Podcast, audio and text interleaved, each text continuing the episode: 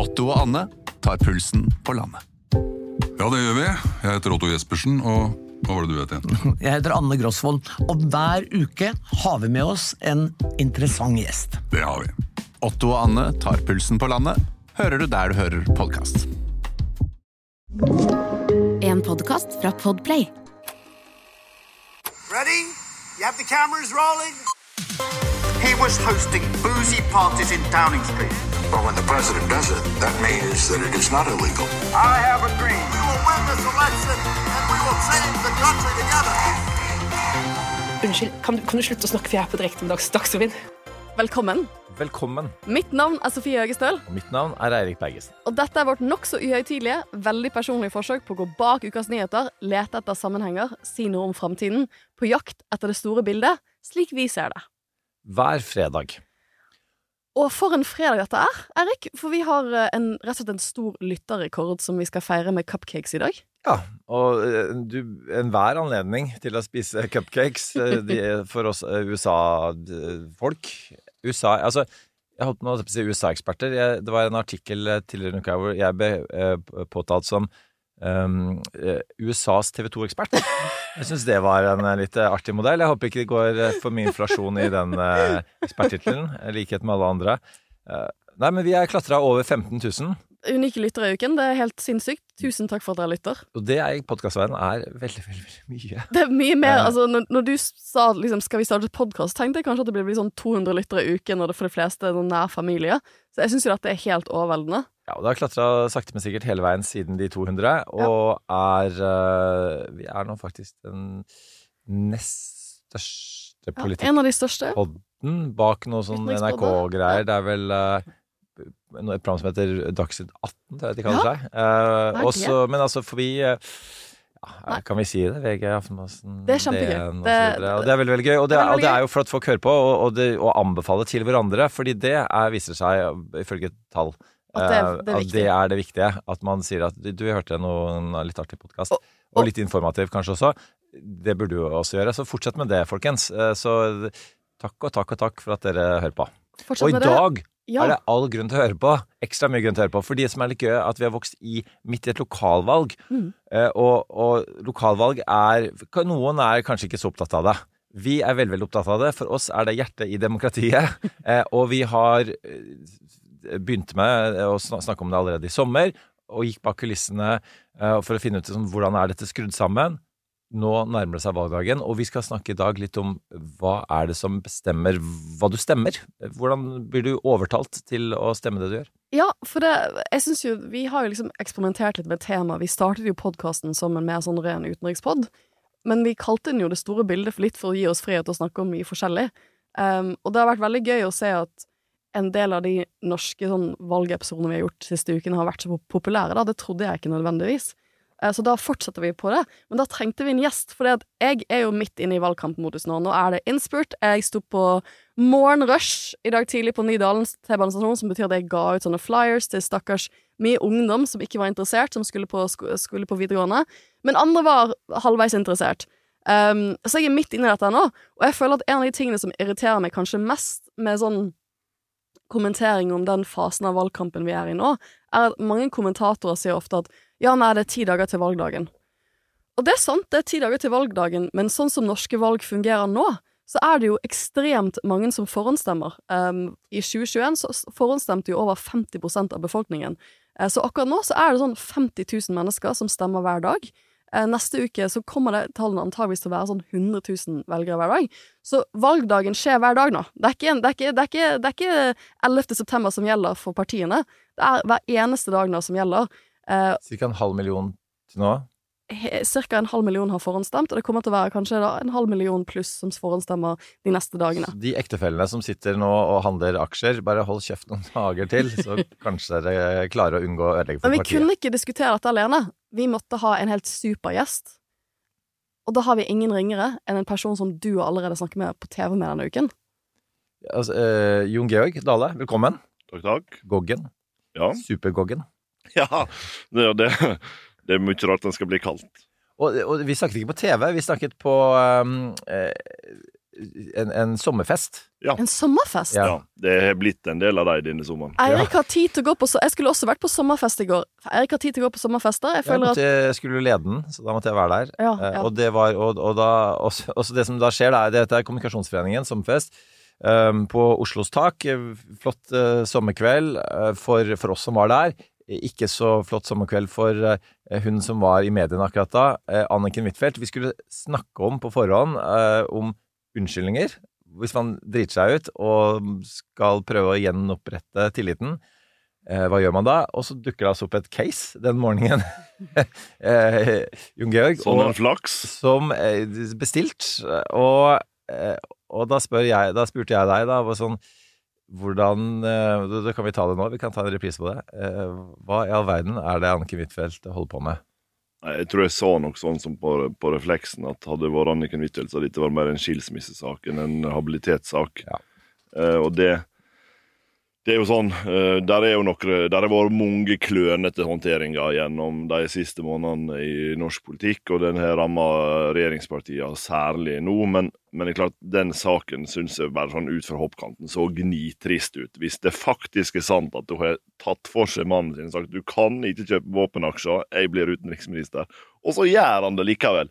Jeg har vært så forbanna at jeg vet ikke hvordan jeg skal håndtere det. Og du er altså, bare for, Vi må jo introdusere han ordentlig. Sant? Du Ja, har jo ja. en lang CV i norsk politikk. Akkurat nå er du partner i First House.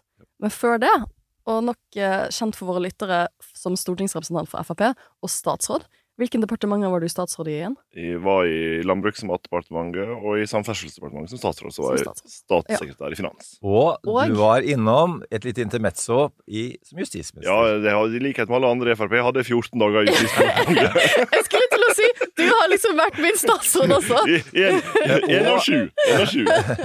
Og, og, og bare for å, bare for å eh, understreke det, du, du var ikke en av de som måtte gå. Du var en av de som ble hentet inn eh, for å for Passe å- ting. Ja, Passe passe på. på ting. Og det var et oppslag da hvor det sto altså Jon Georg Dale, fungerende justisminister. Og jeg, da tenkte jeg sånn Endelig fant de en som fungerer uh, i rollen. Men nei, men han skulle ikke ha menn i to uker. For da, da skulle tilbake i tralten. Uh, og, og, det hører også med til historien at det, det forsvant noen eh, ministre også i den regjeringen. Men, men det var, de var alle justisministre. Det var mye enklere tid ja, den gangen. Det var på en, var på én plass. Ja.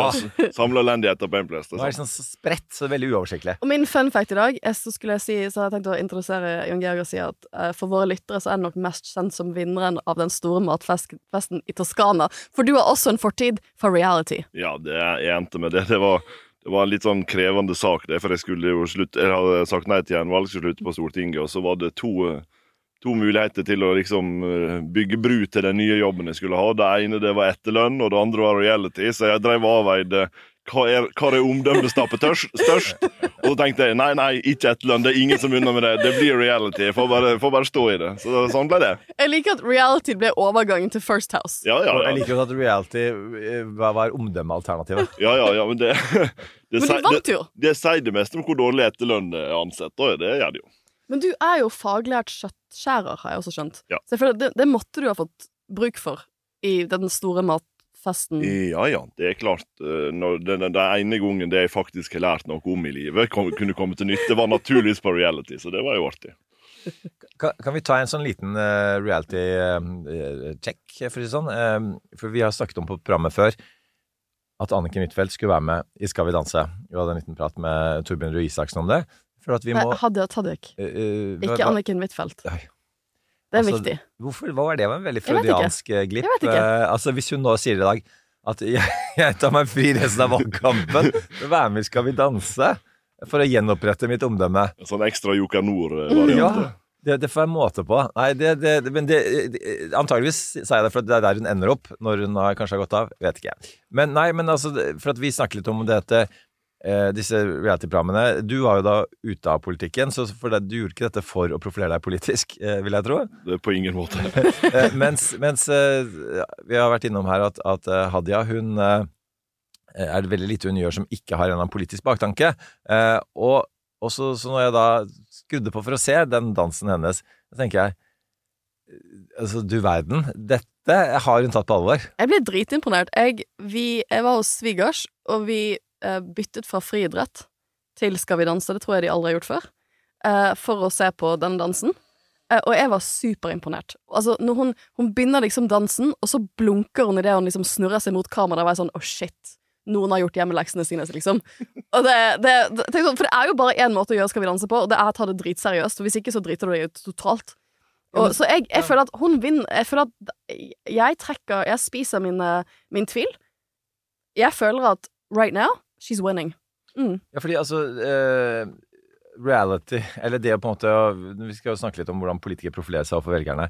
Og, og, det å bruke den type virkemidler, uh, hvor man ofte på Dagsrevyen eller på andre typer nyheter nyhetsflater ikke kan få frem personen på de 13 sekundene som vel er gjennomsnittlig intervjutid ved Dagsrevyen. Forstår du det, Jon Georg, at, at politikere velger å gjøre sånt? Ja og nei. Altså Det kommer litt an på hva slags profil det er på programmet. Det tror jeg vil, tror Ja, men for eksempel, begynner, La oss begynne med, med Hadia Tajik nå, da. På Skal vi danse. Og, og da, tenker jeg liksom Jeg skjønner at hun gjør den vurderinga. Uh, og det handler jo om at vi zoomer litt ut først. da? Det har jo vært det har blitt mer og mer personfokus i politikken, uh, og likeabilityen blir viktigere og viktigere. Sånn at du må ha en, en, profil som er kjent for at du enten er veldig hyggelig eller veldig smart, eller gjerne begge deler, og omgjengelig. Liksom Bård Hoksrud er jo en gammel partikollega av meg, han er jo verdens blideste mann. Han kommer unna nesten hva som helst fordi han er som han er. Uh, og så kommer Hadia med det som utgangspunkt at uh, veldig fremadstormende framadstormende i mange år i Arbeiderpartiet gjort strålende karriere, en, av de flinkeste politikerne de har. Og så får hun en omdømmeskandale uh, rundt disse pendlersakene for en tid tilbake. Og så forsvinner hun helt over ut i skyggen. og så må du på en måte bygge opp igjen ikke bare den politiske profilen din, men likeabilityen din. Og da må du inn på andre arenaer. Eh, og da skjønner jeg den vurderingen. Mm. Jeg, eh, jeg, tenker jo at det er et litt sånn interessant punkt, da, som sagt, i valgkampen. Det er jo derfor vi har invitert deg. Vi er i nå. For nå er vi virkelig i innspurtsfasen. Og for meg, sånn, når jeg står på stender, så tenker jeg veldig sånn at nå er det eh, litt over en uke igjen av valget. Og da er det liksom på mange måter å få de syv døgnene til å telle så mye, eller åtte-ni døgnene til å telle så mye som mulig. Er, jeg, ser, jeg, ser, på det som sånn 24 timers bolker. Og det er jo litt for det som, som jeg var inne på, at folk forhåndsstemmer veldig mye akkurat nå. Um, det er jo en av de store endringene, så jeg tenker jo ikke lenger på at vi har en valgdag, jeg tenker på at vi har en valgperiode. Og hvis du har lyst til å vinne valget, så må du vinne hele perioden. Sånn, en sånn fun fact var jo at Donald Trump fikk jo mer stemmer på valgdagen i USA enn det Joe Biden gjorde. Og det handlet jo litt om at han hadde jo frarådet sine velgere for å forhåndsstemme, så de, de, kom ut på valgdagen og stemte stort da. Eh, men det var jo Joe Biden som vant valget, for han valgte hele valgperioden. Eh, for, for, også presidentvalget i 2020 ble jo et forhåndsstemmevalg fordi at det var et covid-valg. Og da Jeg hadde når eh, Jeg skal jo ikke snakke om eh, det, eh, det, materielle i Anniken Huitfeldt-saken. Jeg som har jo, som jeg har sagt før, jeg er jo vara til en person som, som leder, eh, som, har, som, er saksordfører i en kontroll- og konstitusjonssaken som ser på disse sakene, og da syns jeg det er uryddig å snakke om det på en Sitte, og jazze om det på en pod. Dere må gjerne, gjerne jazze, men jeg kommer ikke til å gjøre det. Men jeg, det, den saken skjedde idet jeg, i det jeg underviste statsrett denne uken. Underviste hva Stortinget gjør til studentene mine. Og da var, det, da var det en student som var sånn Oi, nå skjer det. Nå skjer det liksom i pausen. Oi, nå skjer det noe. Hva tror du skjer nå? Eh, og jeg tror mitt første tanke sånn politikertanke var at hvis det er ti døgn igjen av valgkampen, da, og du er Arbeiderpartiet, og fra Arbeiderpartiets ståsted, så er du i en posisjon nå hvor du kanskje går mot det første valget på 100 år hvor du ikke er størst. Det er jo, Hvis vi kommer til å huske dette valget for noe, så er det jo det vi kommer til å huske det for, hvis det er det som skjer. Det er fortsatt en uke igjen til valget. Hvis du har ti døgn på å snu den trenden og kanskje ta inn 3-4 prosent, kanskje, noe sånt som det, eh, for å bli større enn Høyre, da trenger du at de ti døgnene handler om å få så mange velgere ned for gjerdet og inn i den valgboden som overhodet mulig. Men igjen, de velgerne de stemmer hver eneste dag. De, de, de, venter ikke i ti dager. Mange av de kommer til å stemme i morgen, de kommer til å stemme på mandag. Eh, og det at du da får to døgn av de ti døgnene minst, altså i et dragsug av noe helt annet enn politikk, det er skikkelig vanskelig. Eh, og det har jo liksom ikke det Jeg husker jo litt tilbake til eh, 2019-valgkampen, da Frp og Venstre kranglet i regjering om bompengepakken. Jeg husker, skulle du minne meg på det, ja? Ja! Men jeg husker jo veldig Tusen, hjertelig. tusen Ja, hjertelig. bare hyggelig. Var- det er veldig gøy å få komme hit. Det kjente, kjente jeg veldig på nå. Men jeg husker bare som, som frivillig da at, at, at liksom at du at den pakken kom, og så måtte man liksom ut og forsvare den, og hele nyhetsbildet blir den pakken, og du har lyst til å snakke med velgere om andre ting, da. Eh, og, så, og så går det litt inn i det dragsuget, så jeg har litt sånn sympati for Arbeiderpartiet, at alle de frivillige som da prøver å stå på stand rundt omkring i landet for å snakke politikk, og prøver å få velgere ned fra gjerdet og inn i den valgboden, de må liksom hanskes med dette mediebildet. Men jeg vet ikke hva dere tenker. Altså Først og fremst så uh, tenker jeg altså det er jo en, det er jo en tragedie å drive valgkamp som lokaltillitsvalgt. liksom Stå på skyndeplass på kommunestyrelista og vil kjempe til en plass i, i planutvalg, planutvalget hvis du er heldig, liksom. Og så blir alt av mediebildet, alt av innsats du har gjort for å planlegge en valgkamp i to år, alle forberedelsene som hele partiorganisasjonen har gjort. De står og steker vafler over hele landet, og så alt handler om eh, elendighet fra ende til annen. Og det, det har vært sånn det har vært sånn i tre måneder. Hele sommeren har jo handla om politisk skandale. Og det er klart at det er jo ekstremt krevende for Arbeiderpartiet nå, naturligvis, men det er jo i ferd med å bli en stor omdømmeutfordring for hele norsk politikk at det går ett og et halvt år mellom hver gang en eller, en eller annen avis har en eller annen skjerv og finner et eller annet hinsides det, eh, dumt som en eller annen har gjort. Og det er klart at det, den situasjonen som en er i nå, er jo ødeleggende eh, på sikt, av to grunner, tror jeg. Det ene er at tilliten mellom politikere og velgere i Norge har vært en av de tingene som har gjort at vi har hatt høy tillit i samfunnet i stort. Det kan forvitre. Det er det, ene. Det andre er at hvis du i utgangspunktet er satt opp med brukbart med ressurser, så er spørsmålet velger du å bruke dem på politikken når det offentlige gapestokken er det som venter deg litt lenger framme hvis, hvis du går på trynet en gang. Eh, Og det, det, de to aspektene syns jeg er verdt å reflektere litt over i en tid der 60 000 mennesker står på liste for å eh, bidra til å gjøre bygda de bor i, litt, eh, litt triveligere. Eh, men der det er de sentrale politiske skandalene som, som dominerer totalt. For du er redd for rekruttering, rett og slett. Ja, det er jo ingen tvil om. altså Enkelt sagt. eh, Foreløpig er det jo sånn at en rekrutterer relativt bra fra ungdomspartiet ennå. Men i mange tilfeller så tror jeg vi havner i en situasjon der politikere er inne en liten kort periode, og så er de som har størst forutsetninger for å gjøre best mulig jobb, velger noe annet etter kort tid, og de som ikke har det, blir værende igjen. Så jeg tror liksom vi kan risikere en sånn kompetanse eller hjerneflukt fra norsk politikk over tid, hvis vi ikke på en måte får snudd trenden. Og Det betyr jo punkt igjen at politikere må begynne å oppføre seg som, som om de skjønner at det største merkevaret de har, er sitt eget navn. De kan ikke drive og drite seg ut på bagateller. Det andre en må gjøre, er jo å lage en forståelse, tror jeg, i befolkninga, i press og, og for så vidt hele samfunnsdebatten, at det er forskjell på å dumme seg ut en gang og rydde opp, og så det å faktisk gjøre noe som er grå eller ulovlig, eller så langt ute at det må ha konsekvenser. Men eh, jeg syns vi har sett en tendens siste året til at alt som lukter av litt feil, blir en like stor politisk skandale. Og det er ingen tjent med. Ikke politikerne det, ikke journalistene det, tror jeg. Og i hvert fall ikke samfunnsdebatten i stort tjent med det. Mm. Og altså øh, øh, øh, Ja. øh, denne altså, Hvis du legger på da, at, at politikerne også bør følge de reglene de selv har lagd, og, og, og lese altså Politikere er opptatt av på den ene og på den andre siden. Lese både den ene og den andre siden av disse regelverkene. Det hadde hjulpet. Øh, og og da, da er vi nesten inne på For at mange av de som måtte, har mistet troen da, på politikken i våre dager, det er ikke bare at de gjør det, men de, de nærmest sånn tenker at det er en sånn sammensvergelse. ikke sant? Det er konspiratorisk. Politikere, byråkrati, media står sammen om, om på en måte å lure de da. Eh, og, og, og da og så blir på en måte svaret at nei, nei, vi, vi, vi, vi visste ikke om regelen, eller vi skjønte ikke hvordan man skulle følge den, eh, eller at den gjaldt for meg. Og da er vi sånn inne på sånn Donald Trump-land, hvor hans forsvar nå i disse eh, rettssakene er jeg er så dum at jeg visste ikke at det ikke var lov eh, å, å omgjøre valget. Eh, og, og det er litt absurd eh, situasjon å være i. Jeg bare, bare legge til, eh, jeg ble intervjuet av eh, Røverradioen, som er eh, altså innsatte eh, som driver radio, eh, og, og de spurte meg om akkurat det. men sånn, for all verden skal vi stemme på politikere når de gjør de samme feilene vi gjør? Altså, de bryter reglene, de, de, de får bøter, de etterforskes eh, av eh, politiet. Og så Da var mitt svar på det var at ja, og det gjør de jo, for alle yrkesgrupper har, gjør, har feil og mangler, og også politikere. Men, men, samtidig så det de som regel gjør, da, er på en måte eh, anerkjenne det, innrømme det, unnskylde, gå av, eh, få inn nye folk, endre reglene. Eh, og det føler jeg at, at, stort sett er vi ganske gode på i Norge, da.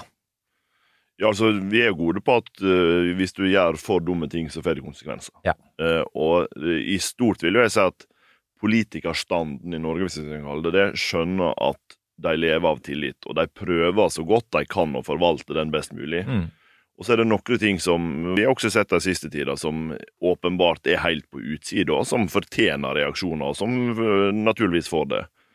Men, men, det er det som eh, jeg tror kanskje nyansen hadde hatt godt av. Vi hadde gått godt av nyansen av og til, med at det er forskjell på det når du liksom aktivt eh, kjøper aksjer i selskap som du er med og behandler sakene på. Det gjør du bare ikke hvis du er statsråd Ola Borten Moe-saken.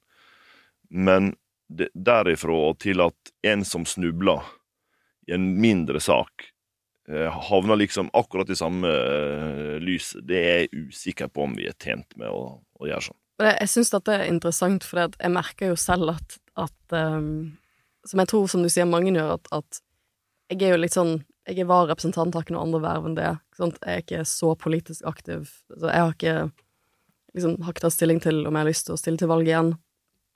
Uh, men når du ser alle sakene, så er jeg sånn Oi, jeg lever et fint og fredelig liv på universitetet, hvor ingen plager meg.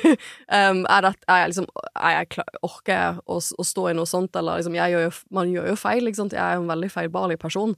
Jeg, jeg, tror nok at det er, kan virke litt avskrekkende. Og så er det litt sånn også hva vi forventer av politikerne våre. Jeg eh, pleier jo å ha en sånn øvelse med studentene mine på begynnelsen av semester som jeg gjorde med dem i forrige uke, hvor de skal skrive sin egen grunnlov og lage sin liksom, hva, hva vil de endret med det norske demokratiet. Og, da, og, det er jo kjempegøy, og det er jo kjempemange kule forslag, og et av forslagene eh, jeg fikk inn den eh, forrige uke, det var å istedenfor valg til Stortinget, å ha loddtrekning, som de hadde i gamle Aten. At du får et brev i posten, liksom som jury, jury duty. Nei, du skal være stortingsrepresentant i fire år. Og så, det skal liksom, Man skal gjøre det på en måte, algoritmen skal gjøre det på en måte sånn det speiler befolkningen. Um, og det som var litt morsomt, var at Adam Grant, som er en professor, ganske kjent amerikansk professor, skrev dagen etter en kronikk i New York Times hvor han tatt et ordet for det samme type systemet. da. Um, for han mente at da luker, han er psykolog, da luker man ut alle narsissistene som ellers er tiltrukket eh, politikken. og alle, alle, folk med sånn stormannsgalskap liksom, som, som, tror at Skjønner hva du mener. Ja, som tenker at de er smart nok til å styre landet. Um, da, da, får du luket de ut, og så får du en liksom, bedre folk, da. Uh, og det, liksom, samtidig, jeg tror, jeg tror, ikke vi egentlig har lyst på det systemet. Vi, vi, vi, har jo lyst til at folk skal stille til valg, som er motivert. Uh, men vi har kanskje litt vi, vi må, altså, Ja, det er en sånn forståelse at det er vanlige mennesker som kommer til å, gå, liksom, til å gjøre feil, og som du sier, kunne dimensjonere uh, skandalene. For hvis det blir sånn en enhver skandale er sånn med en gang du må gå av. Sånn, nå er det over, du er ferdig. Da, da kommer vi ikke til å ha politikere som vokser inn i rollene sine. Jeg, jeg tenker på en del store politikere i norsk eh, historie som ikke hadde det søkelyset på seg på 80-90-tallet. Hadde de blitt gode voksenpolitikere hvis de hadde hatt det type søkelys på seg når de var unge, uerfarne politikere? Jeg vet ikke. Ja, det er klart, og Mediebildet endrer seg, og det betyr at det, det, er større krav til hva politikere du må ha nå enn du var før. Altså, Før kom jo folk fra industrien og foreningsliv og hadde liksom bygd karrieren sin der, og så kom de til politikken. Nå må du ha øh, liksom større potensial for en medieprofil hvis du skal virkelig slå deg opp. Sånn, slik er verden blitt, og det kan jeg like eller ikke like, men, men sånn er det. Men, men det, det slår meg vi i First jobber vi jo liksom med næringsliv og politikk. Eh, og der, der, Det slår meg jo gang etter gang at hvis, hvis eh, politikken hadde lært litt av, eh, av, butikken, for å si det sånn, på noen ting, så kunne de eksempel skjønt at både partinavnet ditt og ditt eget navn først og fremst er en merkevare. Liksom, når du ser hvordan store selskap jobber med å beskytte, videreutvikle og håndtere merkevara si, så gjør det liksom Det er alt. Det betyr alt. Og så sitter du eh, i en posisjon da, i politikken også der du, du, lever av det, og så skjønner ikke du at den siste krona er det bedre at du bare gir fra deg, enn å prøve å grabbe tak i. Fordi at hvis, det, hvis du er i det minste tvil om du er på rett eller feil side, så er ikke alle som skal lese om hva du gjorde. I det minste tvil. Så du må på en måte, i noen tilfeller, tror jeg, eh, gå kortere enn du kunne ha gjort. Vær, vær sikker på at du er på rett side av regelverket. Ikke uttømme og se om liksom, er dette grunnlag for. Og det, det er jo en av de tingene som er litt, litt godt med å slutte i politikken. Det er at du vet når du er i politikken, det er ingen som egentlig unner deg noe særlig mer enn du har. Kanskje helst litt mindre. Så hvis du, hvis du har klart å forvalte merkevarene, di bedre, så, så tror jeg også politikkens totale omdømme hadde, hadde styrka seg på det. Og det er politikerne sitt ansvar. Ja, altså, jeg er også litt redd for at eh, slagsiden til noen av disse sakene her er at um, at du får liksom en sånn veldig ensidig type politiker som, som liksom som ikke har eid aksjer, eller ikke liksom har, har vært noe i private næringsliv. Liksom. Det er jo en annen debatt. Sant? Eh, som ikke Jeg har liksom, én aksje i et sånn, uh, sånn uh, AI-selskap. Det er det eneste aksjen jeg eier. Ikke i Kongsberg Gruppen? Ikke i Kongsberg Gruppen. Ikke ennå. Ikke ennå. feil, feilvurdering. Ikke, ikke ennå. Uh, men jeg er litt sånn shit, det må jeg huske å repetere det. For det, som vara så kan du bare rapportere Oppdatere det økonomiske registeret ditt når du møter, ikke sant? for du skal ikke måtte gjøre det når du ikke er der. Så jeg, er jeg bare sånn, shit, det må jeg huske å oppdatere neste gang jeg, er, liksom, jeg møter. Hvis ikke, så har jeg liksom innrapportert feil. Men, men poenget mitt er at det kan jo heller ikke være slik at vi får politikere som er offentlig ansatt som meg, som, som, som, som ikke har hatt noe befatning med andre typer jobber heller. Det det, det blir jo nesten sett på som skittent, føler jeg, i noen av disse sakene, at du har uh, drevet forretning. Sånn kjøpt, liksom, det kan de jo. Det er jo ikke det som er hovedbudskapet her. Nei. Hovedbudskapet her er at du må huske at hvis du først er i posisjon, så skal du ikke handle de type ting. Uh, men det kan jo vi, vi kan ikke bare rekruttere folk som har sånne sikre vaniljejobber, som ikke, liksom, som ikke har vært ute og vært ute i, i forskjellige sektorer da, av, av samfunnet. Nei, men jeg, jeg sa det for no, noen år tilbake, når det, det var en annen type politisk skandale som ramma. Det, det var liksom to enkle leveregler i politikken. Det er hvis du ikke er reist, ikke skriv reiseregning. Og hvis du er på jobb, ikke ta det i buksa. Eh, så det, det kan hende kan må utvide med en til, men, men, men det er relativt basics. Det er utrolig at ei heil eh, Hvis vi skal liksom uh, sette politikerne som ei yrkesgruppe, da at ikke forståelsen for disse tinga har vært bedre enn det nå tydeligvis er. Og det, eh, det er det er nesten ikke til å forstå. Ja, og ikke minst også fordi eh, så vi, i, i den samme debatten vi, vi deltok i, eh, Jon Georg, her om dagen, så, så kom liksom eh, Støres rolle opp, og så var det en av debattantene som snakket om ja, sånn tåkefyrste og Vingle- Vingle-Jonas osv. Men, men, men da, da var mitt poeng at sånn ja, men er han egentlig det? Fordi jeg føler at det er en stund siden man snakket om akkurat det. Fordi eh, at eh, han har tatt noen grep. Eh, av det ene, for det første og fremst, er jo at, at han selv har solgt seg ut av, av all, eh, altså, all, all aksjer og fond og bare satt pengene i banken, for sikkerhets skyld. Det, og det har åpenbart ikke hans statsrådkolleger fått med seg at det er en god idé å gjøre. Eh, og, og det andre er at han da i Trettebergstuen-saken og i Borten Moe-saken var veldig kjapp eh, sånn i, i rimelighetens eh, tid, og, og bare si at det, dette går ikke, eh, ut med deg. Og så sånn på, på at han har jo gjort en innsats da, for, for, for å prøve å løse dette her, så, så, men samtidig som selvfølgelig dette kommer jo tilbake eh, til han. Så, men, men altså, sånn, hvis, du, hvis, vi tar, hvis du tar på deg First House-hatten, da Um, i- Du har kanskje ikke tatt den av i det hele tatt? Overhodet ikke. Så, så, Jeg har bare én hatt om dagen. Det er jo interessant. hvis vi skal gi litt gratis råd, da, når du først havner i en sånn situasjon som, eh, som, som man nå har gjort, og, og, og gjør de rette grepene i utgangspunktet, for det er jo ikke han som, som, som, som leder som har gjort det, eh, og han gjør de rette grepene, men hvordan kan du på en måte igjen da snu den saken til på den korte tiden nå, og prøve å gjenvinne de 3-4 prosentene som Sofie snakker om? Det, det enkle svaret på det, det er ikke så lett. Fordi at hvis det har vært én sak han hadde håndtert den resolutt, så har han kommet unna med det. Men saker akkumuleres over tid, og det er klart at så mange politiske skandaler som også har ramma regjeringa denne sommeren, det snur ikke du på ei uke. Eh, Men jeg er enig, du må håndtere det godt og raskt. Eh, Det opplever jeg at han i stadig større grad forsøker å gjøre. Pressekonferansen etter Huitfeldts eh, redegjørelse kom relativt mye, mye kjappere enn det gikk eh, under Ola Borten Moe, han lærer jo underveis. eh, Og det, Det tror jeg er lurt. Eh, Det andre er jo at jeg syns han nå er eh, veldig tydelig på hva som er innafor og hva som er utafor, og prøver å trekke liksom klare grenser i sanden. Eh, Og det gir jo nå ei linje å håndheve også internt, og det, det tror jeg han står seg på. Men, men det er jo det som kanskje er den kjedelige beskjeden i en sånn situasjon, det er at tillit tar lang tid å bygge opp og er veldig raskt å rive ned. Og det gjør at det er over tid dette bygges opp. Ja. Det, og tid er jo det man ikke har. For det, nå er det valgkampen spurt for alle pengene, og som du sier, det er 60 000 personer som er på valg eh, i hele landet. og Det er ganske vakkert. Jeg syns det er skikkelig vakkert at det er så mange som har lyst, som du sier, til å kanskje være vara til kommunestyret sitt, og gjøre den innsatsen. Det er ikke spesielt godt lønnet. Det er veldig få kommunestyrer hvor du blir, blir rik av å være deltidspolitiker. Ja, du, du får knapt nok dekket kostnadene enkelt. Altså. Men, så, det, så det er ikke motivasjon, og det er det, det, det som er så fantastisk. Og det, jeg tror det er lurt av og til at en minner seg sjøl på det.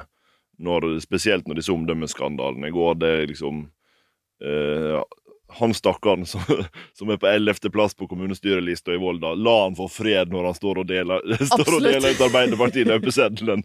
Ikke ta alt dette men han trenger litt fred. Han trenger litt fred, og det, det er jo litt det at de aller fleste Det vi glemmer, at de som sitter på Stortinget, og de som er i regjering, er unntaket. De aller fleste som er politisk aktive i Norge, kommer aldri til å få lønn for det. De kommer alltid til å få en krone. De kommer til å stå, gjøre masse frivillig arbeid, for det er demokratiet vårt. Og aldri en Aldri, aldri få utbetalt noe fra kommunestyret eller fra Stortinget eller fra et annet politisk verv. Eh, Og det er vakkert. Ok, nå skal jeg prøve å bygge en bro til litt av grunnen til at jeg ville ha deg her i studio nå, Jon Georg, akkurat denne uken her. For det at, som jeg snakket om eh, tidligere i episoden, så er det jo slik at veldig mange velgere skal gå og stemme de neste dagene. Eh, De skal forhåndsstemme, noen skal kanskje vente til valgdagen, men de aller fleste i løpet av den neste uken skal ta en avgjørelse om hvilket parti de skal stemme på. Og da, når jeg står på stand nå, så er jo det ofte det spørsmålet jeg får fra velgere. Det er litt sånn Jeg prøver å bestemme meg for et parti, jeg vet ikke helt hva jeg skal stemme på, hvordan velger jeg parti? Eh, Og da tenkte jeg vi kunne begynne med å spørre deg, hvordan valgte du ditt parti? Nei, det, det er så nerdete at jeg er litt, litt usikker på om jeg vil fortelle det. Men, men jeg, var, jeg tror jeg var 16 år cirka. Da bestilte jeg alle partiprogrammer. Satt og las, begynte på KrF. Nesten, nesten en sensasjon at jeg gadd å fortsette å ha lest mye om det. det, og det var sånn, det jeg husker det da. Det var ikke et eneste sånn kulepunkt om hva KrF ville. Det var bare sånn brødtekst. Evig lang brødtekst. Jeg tenkte liksom Vil du egentlig ingenting? Men, Men, eh, men jeg fortsatte. Og, eh, og så las jeg meg liksom gjennom alle partiprogrammene helt til vi kom midt i SVs program. Da skjønte jeg lenger til venstre enn ditt her. Det skal du ikke, gutten min. Så jeg la vekk det, og så, så ble det Frp da i, i en alder av 17 cirka. Jeg gjorde litt det samme. Jeg gjorde litt det samme. Jeg leste alle partiprogrammene da jeg var 16, og det var sånn det ble Venstre. Ja. Ja. Men det hører med til historien for øvrig, da, Jon Georg, at eh, fordi det ofte er det sånn man, man arver eh, foreldrenes politiske preferanser og, og stemmer noenlunde i henhold eh, til det. Eh, og, og, og om du stemmer eller ikke for øvrig, er basert på hva moren dins eh, valg er. Oi. Moren, det Mamma, avgjør- mamma kommer fra en sterk arbeiderpartifamilie, så jeg tror de, har, de kommer til å føle hun har feilet på alle fronter, hvis det er som er tilfellet. Fa- Fatter'n satt i kommunestyret for Senterpartiet, så Ja. du, kan bare, du kan bare gjøre resten av matematikken. Bra teori! Eh. Bra teori. Det og, og, og for øvrig hårvekst er også avgjørende. Så vi kan begge forbanne våre mødres uh, årlinjer, uh, Jon Georg. Nettopp, nettopp. Det er der det kommer fra. Men din far satt nemlig eh, i kommunestyret i Volda for et annet parti. Ja. Og dere satt der sammen Ja for hver deres parti. Ja, da vi, du havna jo ganske tidlig i, i kommunestyret. jeg havna i kommunestyret da jeg var det året jeg ble 19, tror jeg.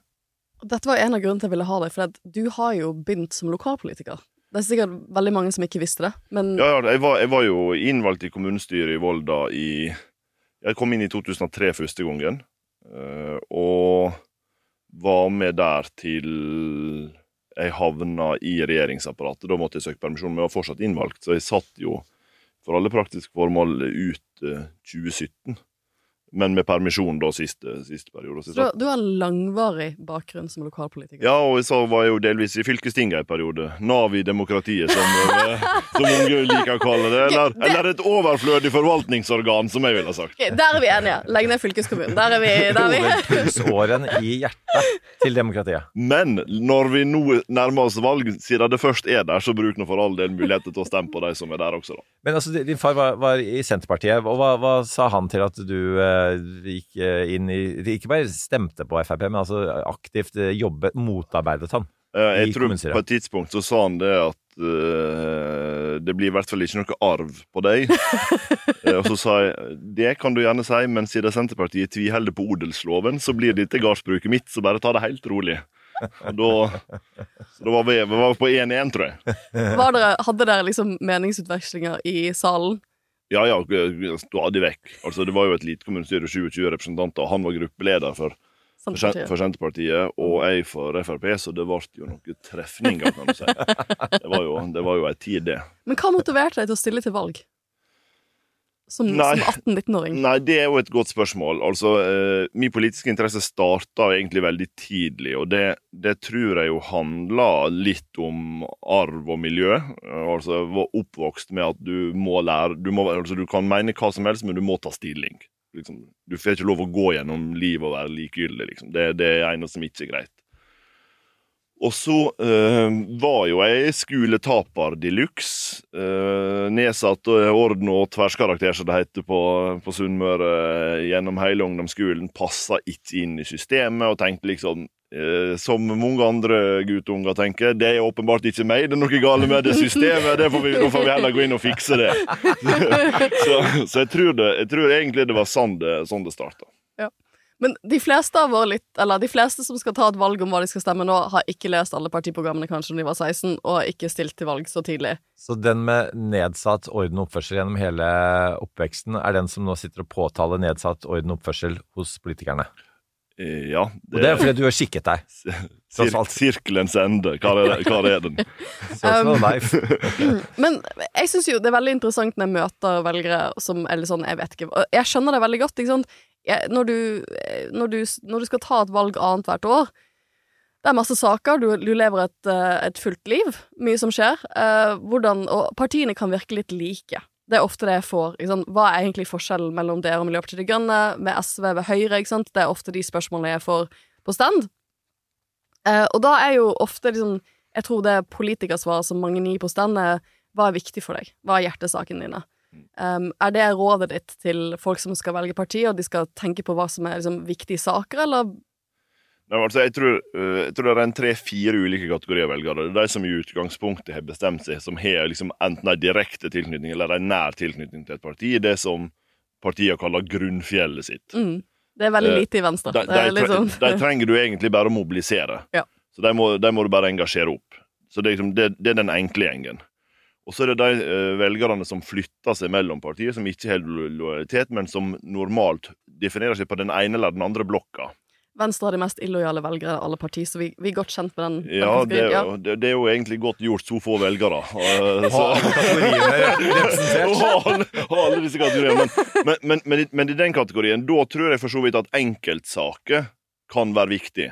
For, liksom, eh, for eksempel klassisk eh, på borgerlig side, da. Skal du stemme Venstre, skal du stemme Høyre, eller skal du stemme Frp? Ja.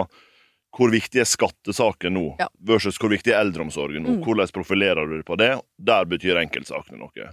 Så er det de eh, velgerne som egentlig flytter seg over blokk, Ja. som er vanskelig, og som Høyre og Arbeiderpartiet kjemper om. Lilla-velgerne, som mange eksperter kaller dem.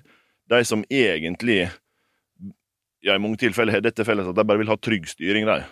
De vil at ting skal ordne seg. Ja, altså, og, Ting skal og egentlig basics, de er fornøyd med livet. Ja. Det går greit. Bare liksom ha kontroll, ikke rock båten, la oss eh, styre trygt og stabilt. Det, det er en annen type velgere, og der, der tror jeg på en måte de ha- havner mer liksom i sånn langsiktig perspektiv og liksom styringsfart. Tradisjonelt næringslivskunde næringslivskunder er jo mye i dette segmentet, eller næringslivsvelgere er mye i dette segmentet. Og så har du jo den siste kategorien, de som egentlig gir fullstendig bang, men som kan endre valg. Og som kan endre valgresultat. Det er de som ofte detter ned liksom på i ytterkantene eller på motmakt, eller som er det som er fundamentet for et nytt parti som plutselig har bompengepartiet i Bergen har INP. 16% IMP kan bryte igjennom nå. Som mobiliserer Rødt over sperregrensa varig plutselig, og som MDG for, for 15 år siden liksom kom derifra. Og det er jo et fryktelig vanskelig segment å nå, for de må du jo først klare å engasjere. Så må du prøve å plassere dem i ei blokk, og så må du mobilisere dem på enkeltsaker, og så må du eh, flytte dem over i det som er styringslinja. Sånn at det er jo, Der er jo et sånn langsiktig perspektiv til dette, og det, det gjør jo at partiene på mange måter jobber veldig langsiktig med liksom organisasjon og forankring og sånn mellom valg. Og så spisser de seg jo veldig i valgkamp, og det er jo det som egentlig er, er nøkkelen. Det er å klare å, å snakke til de ulike velgersegmentene i ei og samme setning når du får ett og et halvt minutt på, på TV. Det er jo ikke så forbarka lett, men det er jo det de prøver på. Det var veldig spennende. Det var veldig interessant. Ja, og, lærte jeg noe. og, ja, også veldig interessant for, for de som ikke var klar over det, hvor strategisk tross alt partiene tenker. da. Eh, Og, det her finnes jo tallmateriale for, og man sitter jo liksom og prøver å knekke noen koder Ja, der. ja, pa- partiene har jo ofte gjort eh, interne meningsmålinger. Eh, det, det er ofte dyrt. altså Vi får av og til låne litt tallmateriale fra Høyre hvis du er et mindre parti. Men eh, det er gjort på, på, ja, på Sånn er det, ikke sant. Eh, på forhånd av valgkampen, kanskje et halvt år før, så har man eh, sin egen sånn eh, meningsmålingsgjennomføring, hvor man ser på hvor mange potensielle velgere har vi, og hvor er de? Liksom, hvor, er det, hvor er folk som vurderer å stemme Venstre? Eh, og så er det å prøve å lage valgkampbudskap som kan få en del av de eh, innad i blokken din, som du sier, de som er på vandring kanskje på borgerlig side, inn til venstre, og så kanskje liksom nå over til noen av lilla velgerne. Det er jo litt forskjell, altså jeg tenker Det er jo et mer aktuelt problemstilling for Høyre og Arbeiderpartiet, som er mer styringspartier. Men det, man bruker liksom tid på å kartlegge og lage sånn dette er en teoretisk venstrevelger, og de kan vi, sånn og sånn, og sånn kan vi nå de. Det er, masse jobb i dette. Mm. Og, og, og det er klart, det, det ser en jo også på måten de jobber på. For det er litt som du var innom tidligere i, i dag, at eh, valgkampen, fordi at valg, forhåndsstemminga blir, blir eh, større og større, og lenger og lenger, så starta også valgkampen mye før. Så hvis du Ja. følger med, liksom med på, på Sylvi Listhaug og Erna Solberg, de har jo ikke hatt fri i sommer. Nei. De har, uh, Sylvi Listhaug suser rundt i en bobil i hele Nord-Norge på jakt etter liksom den siste velgeren. Og det er, jo, det er jo den andre tingen som virkelig endrer seg. Det at nå er det, det er personlig oppmøte som teller, og direkte budskap til enkelt. Sånn at sosiale medier og nye plattformer har jo endra måten også politikerne opptrer i valgkamp. Nettopp fordi de kan spisse seg mye enklere mot disse ulike segmentene. Jeg likte også det begrepet du brukte, altså vi er en teoretisk venstrevelger. For vi er jo alle teoretiske venstrevelgere. Ja. Eh, og eh, Jon Georg så nå veldig skeptisk ut. Nei, nei, nei, nei, nei, nei, nei, nei. Tvert imot, for Nei. du er vel Jeg eh, så I likhet med nesten alle andre, så har jeg jo Venstre som andrevalg. Nettopp. Eh, og det er jo det som er Venstres problem. Det er jo ingen som er det som førstevalg, men, men ganske mange som er det som andrevalg. Det var, det var, det, det var jeg eh, Ja, beklager. Ja, det, det, nei, men, altså, sånn er livet. Sånn er livet. Altså, jeg, jeg, jeg, jeg, jeg sa i, i studietida var en periode hvor eh, jeg gikk fra å være sånn eh, seriemonogamist til, å ha litt opphold eh, uten eh, fast følge. Og, da, tross bestrebelser på det motsatte, og, da følte jeg meg som partiet Venstre, som måtte Flere sier at jeg kunne godt tenkt meg å stemme på Venstre, men som ikke gjør det. Eh, Så jeg, jeg, jeg følte den reaksjonen var liksom Du, du er en hyggelig fyr. Jeg kunne godt tenkt meg Men, men, potensielt teoretisk å å Bli sammen med deg. blitt med deg hjem Ja. i kveld, men uh, sorry. men, men det er det som er Mennene kommer for raskt. ja, Det, ja. I begge disse tilfellene. Mennene kommer altfor raskt. Og det kommer alltid på slutten. Ja. Eh, og eh, og for, for, for the name of the game Nå skal ikke jeg dra den andre analogien for langt, men i politikken da er at du faktisk skal få de til å stemme på deg. Mm. Eh, og hvordan gjør du det? Hvordan, det er åpenbart at, at Venstre ikke har knekt den koden ennå. Men altså, Altså, vi gjør det vel ganske bra på meningsmålinger Ja, ja, relativt ja, men- sett nå. Det skal men- jeg bare Men det nå er du å den eneste som er aktiv i politikken her. Du Ja. må, nå må, altså, og det er midt i valgkampen. Du må tåle litt Ja, ja, ja, ja, ja. Jeg tåler masse tyn på denne vi, vi, podkasten. vi, vi andre er ferdig med det. Men, men jeg synes en av de interessante aspektene en kan tenke på på dette nå, det er jo hvis en faktisk følger med på kommunestyrevalgene rundt omkring nå, da, så ser du jo at antall kumuleringer, som det heter, altså personstemmer, er jo i veldig mange eh, relativt sett små og mellomstore norske kommuner, er jo personstemmegivninga veldig viktig. Eh, og det kan liksom være sånn en, en ordførerkandidat eller en tredjekandidat på ei liste for KrF i et kommunestyre kan ha 70% av velgerne kan ha gitt noe ekstra Mm. Og det viser jo egentlig den andre dimensjonen vi var innom, tillitsspørsmålet. Fordi at det kan være sånn at i, i lokalpolitikken, som vi er på vei inn i, i lokalvalget nå, så kan det være sånn at tilliten til en person er viktigere enn tilliten til partiet eller hva liste den står på.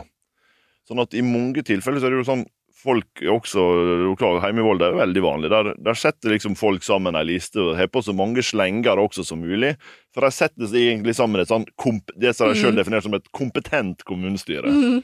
Eh, og det, det er jo en av de skjønnhetene ved det norske demokratiet, egentlig. Det er at, at fordi at tillitsspørsmål er så viktig, så er det også mulig å mobilisere utenfor eget parti på det. Og det er jo det vi ofte ser, og som gjør at f.eks. Høyre nå, tror jeg, har blitt varig så store som de er. Det er jo fordi at helt uavhengig om du syns at Høyre er det- et briljant valg i politikken, så er du tillit til at Erna eh, Solberg kan styre et hvilket som helst land kompetent over tid. Og dermed så tenker du liksom Hvis alt annet er sånn noenlunde OK, så kan du like godt stemme på det, for da er det i hvert fall trygg styring. Og det, det er jo det alle partier prøver å få til. Bredde seg ut på noe annet, og da er tillitsspørsmålet helt sentralt. Når jeg blir spurt av folk på en måte hvordan litt, litt det samme, da. Eh, Jeg som er sånn Hva skal vi si? er Sånn Nøytral kommentator. nøytral kommentator. Mhm. Det høres jo veldig kjedelig Som, som, elsk, elsker, som eh, elsker EU. Nøktern Ja. eh, Jeg elsker EØS. eh, Det er faktisk jeg også. Det. Ja. Og det, da er vi to i verden som som elsker EØS. og, og, og det er styringssikkerhet. Ja, ja, det er det innebærer. det. Ja. Uh, nei, men altså Og så uh, spør folk liksom, hvordan, ja, hvordan skal måtte, man bestemme seg. For det, og det er mange jeg kjempe, sender sånne meldinger til, til folk som kommenterer politikk på TV. Sant? Så jeg er kjempesur på den personen, jeg er kjempesur på den saken osv. Og, sier at det er helt greit, det skal du få lov til å være. Og, og, og, og, så kanskje sier at, at jeg er en del av en sånn kommunistisk sammensvergelse og, osv., som vi snakka om i stad. Men sier at den, den, den fins ikke. Og jeg heier hei, hei, på alle partier. Og jeg eh, heier på de som måtte um, ikke og som, eh, Det er liksom min, jeg har to krav, da. Du må, du må eh, gjøre det du sier du skal gjøre, og så må du på en måte ikke si ting som du helt åpenbart ikke mener, osv. og. Og, det vet at det er vanskelig for politikere.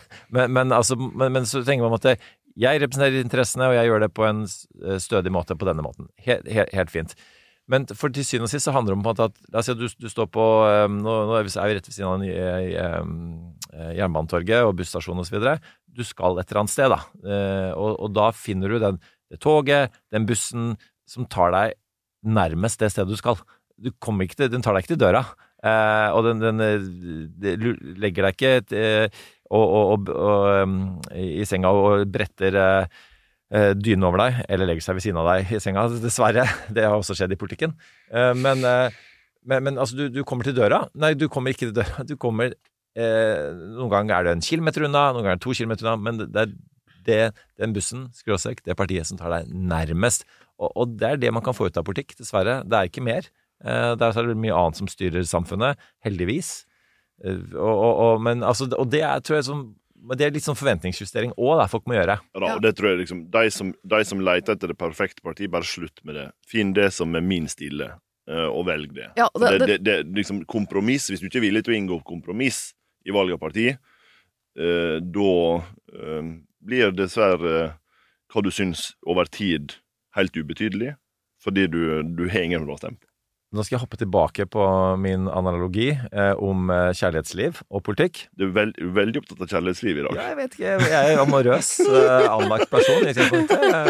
Og har, har heldigvis gått tilbake, gikk jo veldig kjapt tilbake til seriemonogami. Ja, for ble øvrig. gift og ble Eh, gift. Og, Ja. og ble ja, fortsatt gift med hun som jeg da traff eh, etter den kvelden i studietiden. Men, men, men eh, det er en, eh, en bok som heter Little Life, eh, som er en sånn eh, eh, en eh, velrenommert eh, roman eh, som er, vi kan dytte rett inn på anbefalte-lista.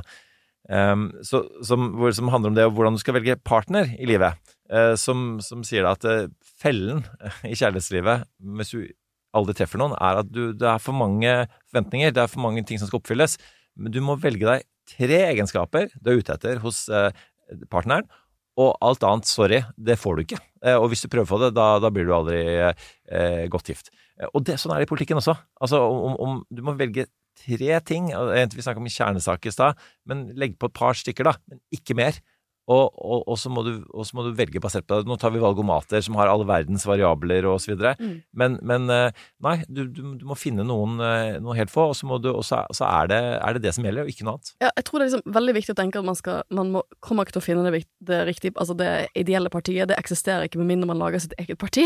Og det, da, lykke til med Da er det. vi i Danmark. Da er vi i Danmark. Lykke til med det. Men, men det er også det at man kan ikke gi Jon Georg noen ideer her nå. Nei. Uh, Heldigvis ikke. Men man kan også Jeg tror en del folk er redd for å velge feil. Og mitt budskap er jo da ofte at du kan velge ett parti i ett valg, og så kan du ombestemme deg neste valg. Du skal ikke gifte deg med det partiet, med mindre du blir partimedlem og, og begynner å stille til valg selv. Så kan du bytte parti og partner. Eh, det er ikke noe problem med det. Du må bare finne det partiet som passer deg godt akkurat nå, som du mener har gode budskap i dette valget her. Du må ikke gjøre det for komplisert. Snakker du om Bergen Venstre nå, Sofie? Som ikke er helt, enda bestemt seg ti dager før valget hvilket parti de skal støtte? De er åpen for alle partnere, Nå skal ok? Og det er positivt. Det hadde vært fristende å si at i Bergen bruker ikke de å bestemme seg ti dager etter valget om for hva de egentlig mener. Så det er jo, det er jo framgang hvis de, hvis de kan nærme seg ha bestemt seg før valget, om ikke annet. Ja. Så jeg, jeg, jeg føler jo at folk må liksom Ikke det at de skal ta det mindre seriøst, men det er ikke Jeg tror man av og til gjør det for stort, da, og da drukner man litt i alle disse partiprogrammene. Jeg, jeg mener også at det å begynne med å ta en valgomat ikke er ikke en dum ting. Altså Valgomater kan være veldig fin Noen av valgomatene er veldig flinke til å si sånn Hva er viktige saker for deg? Og så spisser de inn eller spørsmålene rundt det. Og det kan være veldig eh, sånn indikativt. Men det man også må huske, er at jeg får ofte KrF ganske høyt oppe. På, på Da har du svart feil. Eh, ja. Eh, men, men det som, in, det som, det som jeg syns er sånn ironisk med det, er at når jeg får de spørsmålene om KrFs kjernesaker, sånn abort og sånn kristendom i skolen, så er jeg jo helt uenig, og svarer sånn helt uenig. Men en del av de um, valgomatene greier ikke da å skjønne at hvis du er helt uenig med KrF sin abortpolitikk og sånn kristendomspolitikk, så er nok ikke det partiet for deg, for de vekter ikke de vekter ikke altså En del av mening, Deal, deal de vekter ikke sånne deal-breakers. Uh, så da, det at jeg da er enig med KrF sin miljøpolitikk og en del andre ting, har jo egentlig ikke så Det er jo ikke det som egentlig er det avgjørende. Eller, nå skal jeg ikke snakke ned og stemme KrF, men det, du kan stemme KrF av mange grunner. Men jeg tenker det er litt rart hvis du ikke er enig med hovedsakene. Så det er jo litt sånn Man må også Man kan begynne med valgomaten, og så kan man tenke litt selv etter det. Det er, sånn, det er sånn, Hvis du er enig med Rødt i mange enkeltsaker, men du tross alt mener vi bør ha private løsninger i dette landet, så er du liksom glem enkeltsakene. Det, det, vi, vi snakker liksom det sånn at, at det, som, det som er vanskelig med å være velger, det er at du kan ikke være lat. Altså du, eller du, du kan, men du bør ikke være lat hvis du er opptatt av hva retning eh, lokalsamfunnet ditt går i. Så du må, du må, du må noen få timer før et valg eh, annethvert år, så må du orke. Du må orke liksom, litt. Og, og, og faktisk se hva liksom Hvor er vi, og hva skal vi, og hva er vi tjent med nå? Og hva, Eh, hva mener jeg er en viktig samfunnsutvikling? Hva mener jeg er de viktige sakene for at Norge skal komme dit, som du sier, komme litt nærmere den busstasjonen du ønsker at landet skal være i om, om fire til ti år? Ja, og det, det, det, det er krevende, naturligvis. Men så er det jo litt gøy også å følge med. I hvert fall når man er på utsida. Ja, hvordan føles det å ikke stå på stand? Det er, det er faktisk veldig rart, hvis jeg skal være ærlig. For jeg har jo liksom gjort det hele, hele livet. Ja, for det er vel første valgkamp du da ikke står Første valgkamp jeg ikke har noen rolle i det hele tatt, nei. Så nå driver jeg bare og synser. Det er og det er jo fantastisk. Det gjorde jeg jo av og til litt i politikken også, men da kan jeg ikke innrømme det. Så, det, men, men, men nå, så nå driver jeg og synser på heltid, og det, det, så det er litt rart. Eh, Og så er det samtidig litt godt, fordi jeg syns jeg ser ting nå eh, som jeg ikke så før. Fordi du ofte går sånn, spesielt i valgkampen, så går du sånn inn i ei boble at du blir og du har så lite tid, og du skal reise så mye, og du er jo i utgangspunktet gående når du begynner, så du skal bare stå et løp, så det er jo litt, litt maraton. Og da har ikke du tid til å ta inn noe.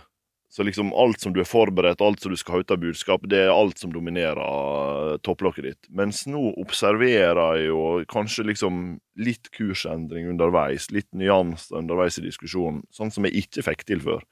Det gjør at det er også litt nyttig å stå på utsiden. Ja, for, for hva syns du er liksom Hva er denne valgkampen for deg så langt? Hva, hva er de viktige sakene som Nei, dominerer valget nå? Nei, altså, jeg ville sagt at det som eh, Det som kanskje er største problemet som jeg var innom, er jo at eh, disse sakene som handler om helt andre ting enn det politiske innholdet, dominerer for mye. Det er det ene.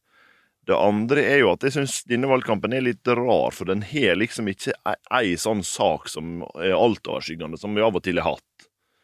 Bompenger. Ja, bompenger har vært, men det har vært, det skattespørsmål, det har vært bygd mot by, liksom sentraliseringsdiskusjon som, eh, som Senterpartiet mobiliserte på sist. Og det er jo e- ekte lokalvalgsaker, Ja, ja, i motsetning men- til men- nå. men det er vanskelig å finne dem. Men nå ser vi det Sånn at, at det som er litt rart, det er jo at liksom elektrifisering av Melkøya Blir så stort. blir så stort. eh, Og, og det blir den jo også fordi at den er et symptom på den større energidiskusjonen som følge av høye strømpriser over tid og lignende. Så, så det har jo en forklaring.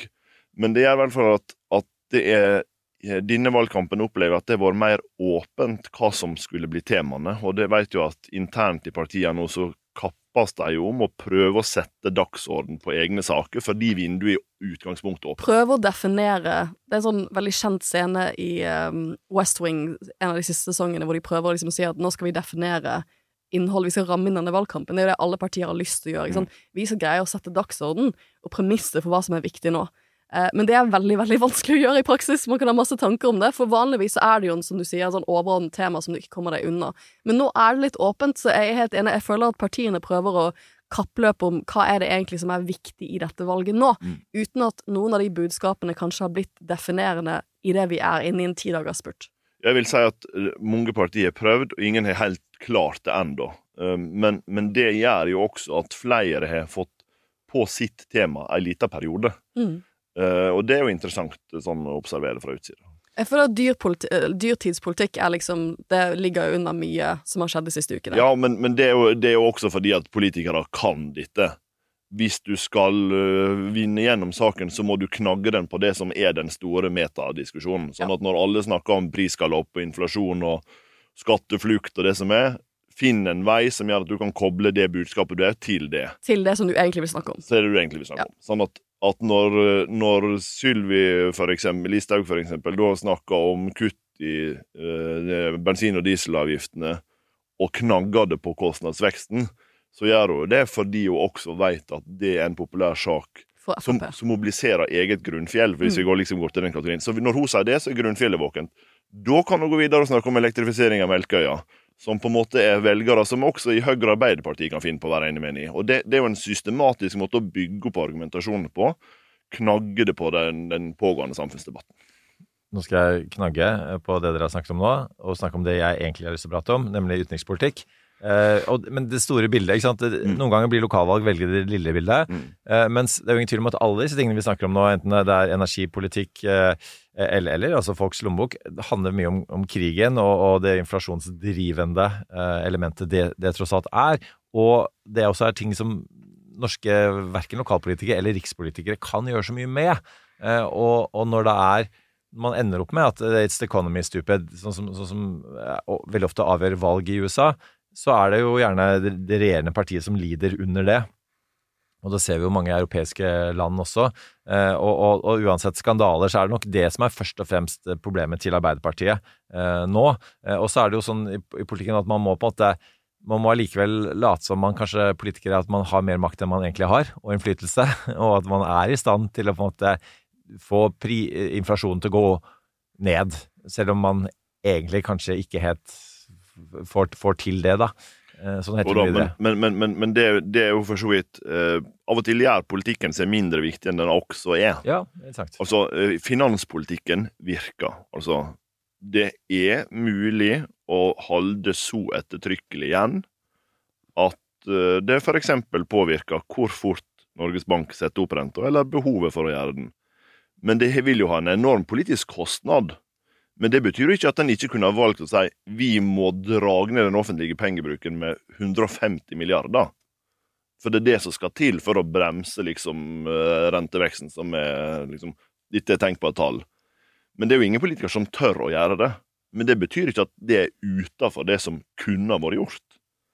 Men i Norge er vi jo vårt vant til, i hvert fall min generasjons politikere, at når du gjør prioriteringer, så prioriterer du egentlig om hvor mye eller hvor mye eller lite mer du skal ha av ting. Mm. Vi snakker jo ikke om store kutt i offentlig sektor, eller enorme skattekutt, eller enorme skatteskjerpelser. Altså, vi ligger nå i det som eh, i et politisk spenn med en åtte-ti partier snart, der eh, halvparten av dem har fått plass i et hvilket som helst parti i, i mange andre land. Så hvis, så hvis du snur min eh, transportanalogi med, med hvor bussen tar deg, og så sier man at, at eh, alle vil til Jernbanetorget, hvor vi er nå, og så vet, hvis vi ser ut av vinduet nå, så er det vel sånn herre åtte-ti forskjellige plattformer i, sånn innen 200 meters omkrets på Jernbanetorget du kan ende opp på, da. Er det er, du, er, det litt sånn norsk politikk? At, vi en, alle ender sånn noenlunde nært uh, målet, og målet er sånn noenlunde på midten? Vi, I Norge er jo all politikk grad av sosialdemokrati. Det tror jeg er rett å si. Uh, og Det er jo også det som gjør at Arbeiderpartiet naturlig sliter, fordi alle mener mer og mer det samme. Det syns jeg er et paradoks i norsk politikk om dagen. Fordi det har blitt flere og flere partier. Nå ser jo eh, partilederpanelet ut som det er et folkemøte i seg sjøl når, når det er partilederdebatt. Men partier, det blir flere og flere, men de mener mer og mer det samme. Det er få ting de skiller seg fundamentalt fra hverandre på. Eh, venstreside, Den ytre venstresiden av de liksom etablerte partiene blir egentlig mindre og mindre krass. Og den, på høyresida er det mindre og mindre folk som ettergår liksom hvor stor skal staten være. Så det, det, det, samler seg på en måte et slags politisk sentrum som jeg tror gir potensial for fløypartier som fortsatt ikke er tatt ut, men som også kan være skummelt fordi du kan, for de etablerte partiene, fordi du kan få nye partier inn fordi flankene blir ledige når, når flere samler seg. Jeg syns det er interessant, og det gjør det jo, hvis vi går tilbake til utgangspunktet, da, også vanskeligere for velgere å velge parti. Ja. For det at det jeg skjønner godt at det kan være vanskelig å skille mellom en del av partiene på ganske mange spørsmål, du, som du sier, når man samler seg litt mer rundt midten. Mm. Eh, for valgkamp skal jo, det er jo det som er paradokset i en valgkamp, det skal jo være en villet polarisering. I valgkamp så skal det jo være liksom, du skal, Det er jo det partiene bruker mye tid på. Du skal trekke grenser og vise hvordan ditt parti er forskjellig fra de andre partiene. Mm. Men jeg kan godt forstå at mange skrur på en del av partilederdebatten og er sånn, men alle er jo enige om en bedre eldreomsorg. Hva er egentlig de, liksom, Privatisering, jeg skjønner at det er en greie, men hva er egentlig de store skillelinjene her? Og der føler jeg for så vidt Sylvi Listhaug har vært flink det siste til å være liksom, Hun har jo lyst til å gjøre noe annet i eldreomsorgen enn det ganske mange av de andre partiene har lyst til å gjøre, i og med at hun har lyst til å gjøre det til et statlig finansiert prosjekt. Jo, men, men det, jeg tror du har rett i det. altså. Det, det, er viktig å forstå at det politikerne gjør i valgkamp, det er å spisse seg og gå lenger i retorikken enn de vet de kommer til å få gjennom i praktisk politikk. Men det, det mener jeg er sunt for vi må skjønne at det er det de gjør, fordi at de må lage rom for kompromiss. Mm. Fordi i Norge så blir det liksom med, med et partisystem som vårt, så må der være flere partier involvert når du skal fatte en beslutning. Og det gjør jo at jeg mener at politikere som spisser retorikken sin for å vise hva primærutgangspunktet er, men likevel har i seg at de evner å være med på kompromiss, også når det koster litt i velgermassene, det er i utgangspunktet en av demokratiets, norske demokratiets største styrke. På den andre sida så mener jeg jo at for mange i næringslivet og i samfunnslivet for øvrig, organisasjonslivet, må de av og til tenke at vi må lage større plass til politikerne. Hvis politikerne samler seg i midten, så må noen andre stå igjen ute på perrongen og rope litt ekstra høyt om at det er dette vi egentlig hadde trengt. For de må legitimere at politikerne også skjønner at det er et problem der ute. Eh, sånn at det som ofte skjer nå, og det, det er kanskje det som jeg er litt bekymra for liksom i samfunnet totalt sett, er at partiene blir likere og likere.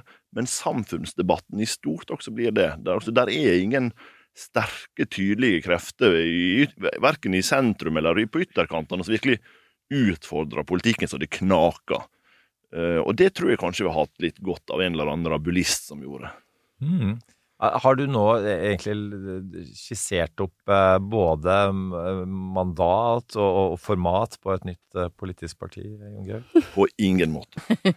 eh, og, det, og det, er litt, det, er litt, rart, men, men, nå har jeg vært ute av politikken, ingen aktive verv. Men, men, når du har vært i politikken og sett liksom hvordan valgkampen, funker, valgkampen funker, og hvordan partiorganisasjoner funker, så er det helt, det er helt rart, men du kjenner på en helt enorm lojalitet. Gjennom 20 år har jeg hatt politisk tillitsverv, endte opp som statsråd til slutt. Og grunnen til det, det er at noen andre steikte vaflene. Ja. Eh, altså, de, den fasiliteringa, den jobben som blir gjort liksom av fotfolket rundt om på enhver stand i enhver bygd nå, det å faktisk ta inn over seg hvor mye det er til hjelp for de som står i, fremste rekke, og for så vidt alltid får både kjeften og æra. Eh, Det hadde ikke vært mulig uten disse folka. Nei, og det, det, det kjente jeg veldig på i 2021, da jeg for første gang skulle være høyere opp på en liste, da. At plutselig er det masse folk som står på stand for deg. Og det er en utrolig Jeg ble utrolig ydmyk av den følelsen. Også den følelsen av at her er det folk som har stått på partiet i mange tiår, og jeg skal være så heldig at jeg får lov til å få lønn av og til når jeg er på Stortinget for, det, for dette engasjementet. Det er, um, det er jo litt det vi mister med disse skandalene, ikke sant? At det er grunnfjellet som står der nå og steker vafler uh, fordi at de tror på et partiprogram som de har vært med og lagd. Uh, og det er også sånn, uh, når vi snakker om hvordan vi skaper demokratiet vårt, det begynner jo ganske tidlig ved at noen gidder å sette sammen et partiprogram. Når jeg får velgere på stand som er sånn, ja, hvorfor gjør dere ikke dette? Så er det sånn, du må være med på prosessen. Hvis du har lyst til at vi, et parti skal ta opp disse sakene, så må du være med på innspillsprosessen når vi lager partiprogrammene våre. For det, det har noen giddet å gjøre, og det er en utakknemlig jobb. Det er ingen som lager partiprogrammer som får betalt for å gjøre det. Og det er ingen som står og klapper for at du gjorde det Nei. heller. Så det, liksom, det, det, er et eller annet med det som jeg, som jeg syns er, er veldig fint. Jeg, liksom, når, når jeg begynte i politikken, da, da gikk jeg i tospann med en mann som var 40 år eldre enn meg omtrent. Eh, som het eh, Roald Espeseth. Eh, en, en shout-out for det. Men, men han, han var pensjonert. Vi kom inn i kommunestyret samtidig. Og han gjorde all research i seks år. Eh, Men han likte ikke å profilere ting, så han sa 'her er saken'. Eh, Og så bygde vi argumentasjonen, og så profilerte jeg den. Og jeg hadde aldri vært der jeg var i dag uten. Så altså, der er nok sånn slitere som ingen ser, som ingen klapper på skuldra, som ingen egentlig sender en blomsterbukett til noen gang, men som gjør en helt formidabel innsats for at partiorganisasjonene skal virke. Og for at vi nå som går til stemmeurna de neste dagene, skal ha en eh, stemmeseddel, Ja. stemmeseddel å legge i urna.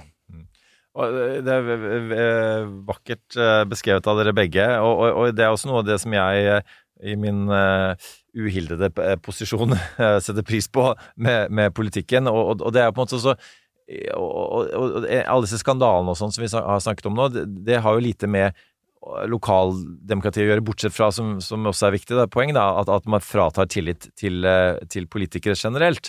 Og det er synd, for går man inn i et kommunestyre og, og hører på diskusjonene der, og det kan nok virke litt kjedelig, eh, det må jeg bare innrømme, men, men, men det er folk man, man har fine måter å prate sammen på, eh, og man, man finner kompromisser, eh, og man, man, eh, lager avtaler som, som, som fungerer, og det er ikke meningen at, skal, at man skal komme på forsiden av noen aviser med, med disse vedtakene. Det er meningen å bare få ting til å funke eh, i, på en, en veistubb eller eh, på et hjørne i, eh, i det lokalsamfunnet. Og, og, og da er liksom for å komme tilbake til det vi begynte med, altså reality-TV, da er det når du da ser Per Sandberg og Mimmi Kristiansson samarbeide på Farmen kjendis, og det er veldig vanskelig å samarbeide på Farmen kjendis, viser det seg. Og så, så, så, er det et tegn på at det, det, altså i, at det, det, er, eh, det er noen strange bedfellows i politikken, og ikke minst i lokaldemokratiet, som, som får ting til å funke, da. Ja da, og det- eh, Noe av det morsomste når vi var, satt i kommunestyret i Volda i min tid, det var at et kommunestyremøte de varte jo evig lenge. Det var liksom sånn åtte-ti timer kommunestyremøte. Og, og hvis det var korte saksliste, enda verre. For da hadde jo alle fri til alltid. Det var helt håpløst. Men etter kommunestyremøtet da, så møttes representanter fra stort sett alle partier på Det grønne treet i Volda og tok ei øl etter møtet. Og, liksom det, og det, det, liksom, det tror jeg norsk politikk har med seg helt til toppen Mm. det, det går jo kulevarmt i partilederdebattene også nå, men etterpå så smiler de ler, eh, og det brifer liksom i fellesskap. Så der er på en måte Det er noe fint med demokrati i Norge, at, at på tross av, eller på tvers av partier, så, så funker vi etterpå, da. Ja, nei, en av, en av favorittøyeblikkene mine i sommer, egentlig politisk, var når Sylvi Listhaug eh, skulle inn i Dagsnytt 18, og jeg tror Anette, Berg, Trettebergstuen skulle ut. Jeg tror det var Anette. Um, eh, og så ga han henne en klem på vei inn. Så hun skulle jo egentlig inn i studio for å kritisere henne. For å si at det, det er riktig at det, det blir oppvask nå. Sånn, men det er jo det medmenneskelige som eh, Det at man greier å beholde det medmenneskelige, det er utrolig viktig. Eh, og det er jo Vi snakker jo mye om amerikansk politikk, ikke sant. Det hadde ikke skjedd i amerikansk politikk, sånn som ting er nå. Uh, det Det er mange år siden eh, Barack Obama begynte en presidentdebatt med å gratulere Mitt Romney med bryllupsdagen. Altså, det hadde ikke skjedd Nei. lenger. Og, og dit må vi aldri komme i norsk politikk. Vi må gå inn for landing, Ja. men dette var en hyllest til alle de 60 000 menneskene som har valgt å eh, eh, gå til kamp for demokratiet ved å stå på en liste, eh, og velger å bruke hundrevis av timer på et lokalvalg, og ikke minst til alle de heltene som ikke står på listen, men allikevel stiller opp i valgkampen, steker vafler, står på stand, prøver å informere velgere om hva som er lurt å stemme på akkurat nå. Det er jo det som får demokratiet vårt til å gå rundt. Og jeg regner med at hvis du har hørt helt fram til nå, så har du en viss interesse av lokalvalg, og så er interessert at du antageligvis kommer til å stemme. Men hvis du ikke tenker å stemme, så, så gir du stemmen bort til en eller annen gjøk da, som mener noe annet enn deg. Eh, Og det bør være i alle fall den, den aller siste grunnen til, til, å, til å stemme, hvis du fortsatt lurer på det. Hvis ikke de stemmer, så er det min stemme til mer. Det bør jo alle vokte seg vel for.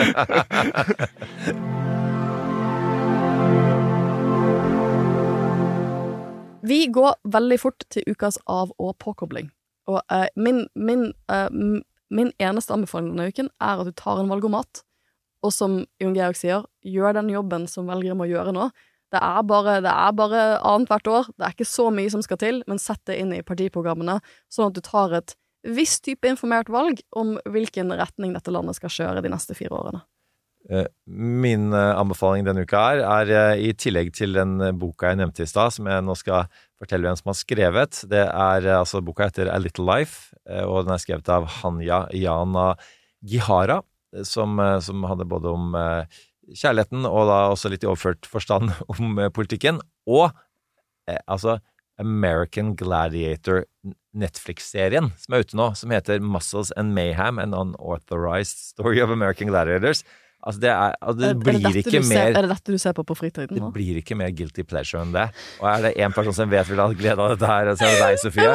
Så hvis du trenger å koble av i valgkampen, eh, altså American Gladiators, eh, ellevilt. eh, Og, og ganske Altså, altså når, eh, Ice og Storm eh, snakker om, på en måte, om hvordan de forbrødret eh, hverandre i, i, kulissene Altså, det, det er jo en tårefelt. Jo, Georg, er det noen guilty pleasures du ser på eller lytter til? Eller? Jeg har jo ingenting som kan måle seg med nerdenivået her, naturligvis. Men, men eh, Nei, altså Jeg, jeg er jo skada gjennom, gjennom mange år i politikken, så jeg koser meg jo med enhver valgsending hver dag.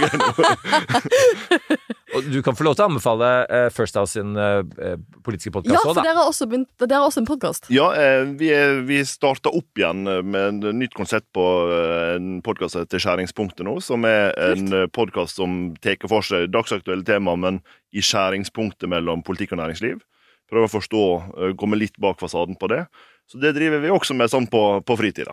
Det er jo en Kult. annen eh, prominent spinndoktor, eh, Sigbjørn Aanes, tidligere eh, altså Høyres høyre hånd. Ja, tidligere statssekretæren på SMK for Erna Solberg når, når vi satt i regjering, så er jo han i lag med Cecilie Ditlev Simonsen er de som er, er foran mikrofonen på det, og prøver etter beste evne å ikke dumme oss ut eh, med jevne mellomrom. Det klarte du veldig godt å unngå i dag også, Du- du gjorde eh, meg- Jon Georg. Oppriktig klokere. Ga meg masse tanker rundt eh, hvordan eh, valg funker. Kanskje hjulpet Venstre i valgkampen nå, I don't know. Vi får se. Eh, La, Å, nei, jo, fy. Det var best vi avslutta den sendinga. Det var den hemmelige planen til Sofie Oppmark med å hente oss begge inn i studio. Det er nå avslørt. Eh, ja, tusen, tusen takk for at du kom. Vi kommer til å spørre deg igjen. Dette var kjempekjekt. Veldig hyggelig. Og tusen takk for at uh, dere hørte på. Som sagt, fortsett å høre på, fortsett å anbefale, og ha en eh, flott helg, eh, fortreffelig eh, neste uke.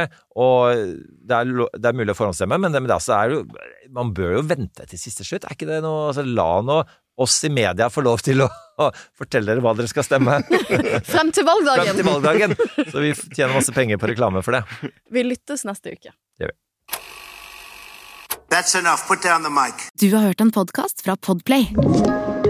En enklere måte å høre podkast på. Last ned appen Podplay, eller se podplay.no.